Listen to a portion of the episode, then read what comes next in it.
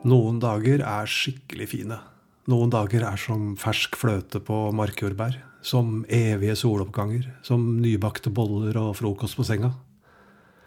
Noen dager, når jeg våkner uthvilt, når hodet er helt fritt for bekymringer, jeg har ro i sjelen, fred i sinnet og ingenting gnager i bakhodet, da vet jeg at det blir en fin dag. Da er det ingenting som kan ødelegge den. Eller, det er jo ikke helt sant. Selvsagt er det noe som kan ødelegge den. Jeg. Jeg kan ødelegge den. Hvis jeg tar med meg noe fra i går, noe jeg ikke er ferdig med, dårlig samvittighet, skyldfølelse, skam, ydmykelse Hvis jeg lar noe fra fortida, noe som ikke er bra for meg, bli med meg til i dag, da kan jeg ødelegge den. Eller hvis jeg lar en eller annen bekymring om framtida skye til horisonten. Men ikke i dag, for i dag er en fantastisk dag. Hei, jeg heter Alexander, og jeg har lært at jeg kan bestemme selv. Det er ingen andre som eier mitt liv og mine følelser. Jeg har tatt tilbake makta. Jeg har tatt tilbake regien. Jeg har tatt tilbake eierskapet til mitt eget liv. Mer presist, jeg har tatt tilbake øyeblikket. Eller øyeblikkene, for det er fryktelig mange av dem. De kommer som perler på en snor. Det er ingen å skylde på om jeg har en dårlig dag. Det er ingen andre enn egoet mitt og meg som sitter i forsetet lenger. Og egoet mitt har ofte feil intensjoner, så det er viktig at jeg er våken og kan være med å bestemme hvilken retning vi skal ta. En av de første bøkene jeg leste innen sjangeren selvhjelp eller personlig utvikling, var Eckhart Tolles The Power of Now. En fantastisk bok. Men da jeg leste den første gang, forsto jeg egentlig ingenting av hva jeg leste. Jeg skjønte at jeg hadde misforstått hele ideen om det å leve i øyeblikket. Jeg trodde jo at det var det jeg gjorde. Jeg trodde at det å velge minste motstands vei, alltid flykte, alltid beskytte meg selv og aldri gjøre som alle andre, var greia.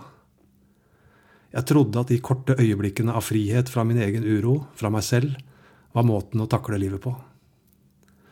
I virkeligheten jaga jeg bare visjoner om framtida, mens jeg dro med meg et evig langt tog av opplevelser fra fortida. Et tog som bare ble lengre og tyngre å dra på for hver dag. Yesterday is history, tomorrow is a mystery. Today is a gift, that's why it is called the present. Det er mange gode strofer som blir litt lost in uh, translation. Men gårsdagen er historie.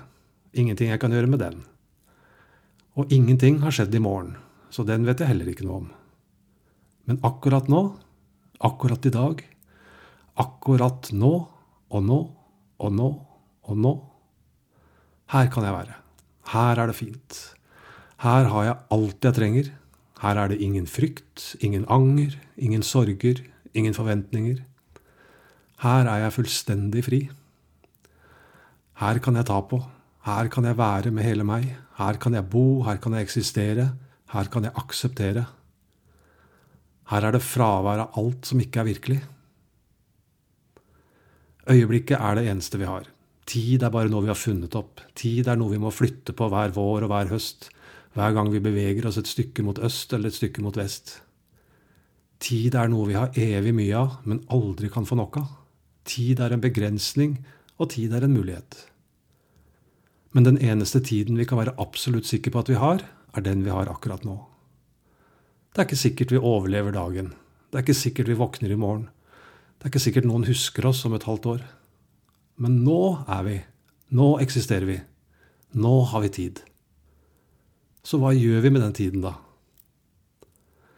Jeg kontrollerer forbausende lite av hva som skjer. Jeg har så å si ingen styring på hva livet og universet har på lager for meg i dag. Men jeg kan ta full kontroll over hvordan jeg velger å forholde meg til det som skjer.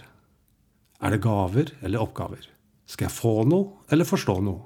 Skal jeg eie noe eller gi slipp på noe. What a beautiful present. Og hvordan var det før? Bare mas. Bare stress. Utilfredshet og ansvarsløshet. Mindfulness og meditasjon? Ha-ha. Det var for tapere og tullinger, for de som ikke turte å leve, de som drev med ting jeg ikke forsto og derfor forkastet, ting jeg ikke visste at jeg trengte og derfor gjorde til latter. Ting som jeg innerst inne ønska meg så inderlig, men ikke var klar over. Men nå skjønner jeg hva det handler om. Nå fatter jeg poenget med å sette ned farten. Nå forstår jeg hva de snakker om. Hva jeg snakker om. Hva jeg sier til meg sjøl når all støyen er skrudd av. Det er der inne den ligger. Roen. Freden. Tilstedeværelsen. Tilfredsheten. Og jeg kan gå dit akkurat når jeg vil. Når jeg står i kø i et billettkontor i India, når jeg ligger i tannlegestolen, eller når jeg sitter helt aleine i skogen. Jeg klarte det ikke med en gang. Oh, no, no. Jeg måtte øve. Jeg måtte prøve på nytt, igjen og igjen. Men langsomt ble jeg flinkere. Litt etter litt ble det mer og mer naturlig. Så ikke bare fikk jeg det bedre, jeg fikk også en ny og sunnere selvtillit. For jeg hadde klart noe nytt, bevega meg forbi mine egne begrensende tanker og oppfatninger. Pose og sekk. Nok en gave når vi hadde hatt denne åndelige oppvåkningen som følge av disse trinn. Det var så deilig når jeg skjønte det, og det er nesten like deilig hver gang jeg tar turen dit, til øyeblikket. Det er ikke som de fleste andre opplevelser som blekner i gjentagelsens lys. Den vokser, blir større og mer virkelig for hver gang. Mer omfattende, klarere, tydeligere. Tusen takk. Jeg vil gjerne ha mer. Jeg har fortsatt dårlige dager, men det går helt fint. Jeg pleide å ha dårlige år, men ikke nå. Ikke i dag. Akkurat nå er alt perfekt. Tusen takk for at du hører på.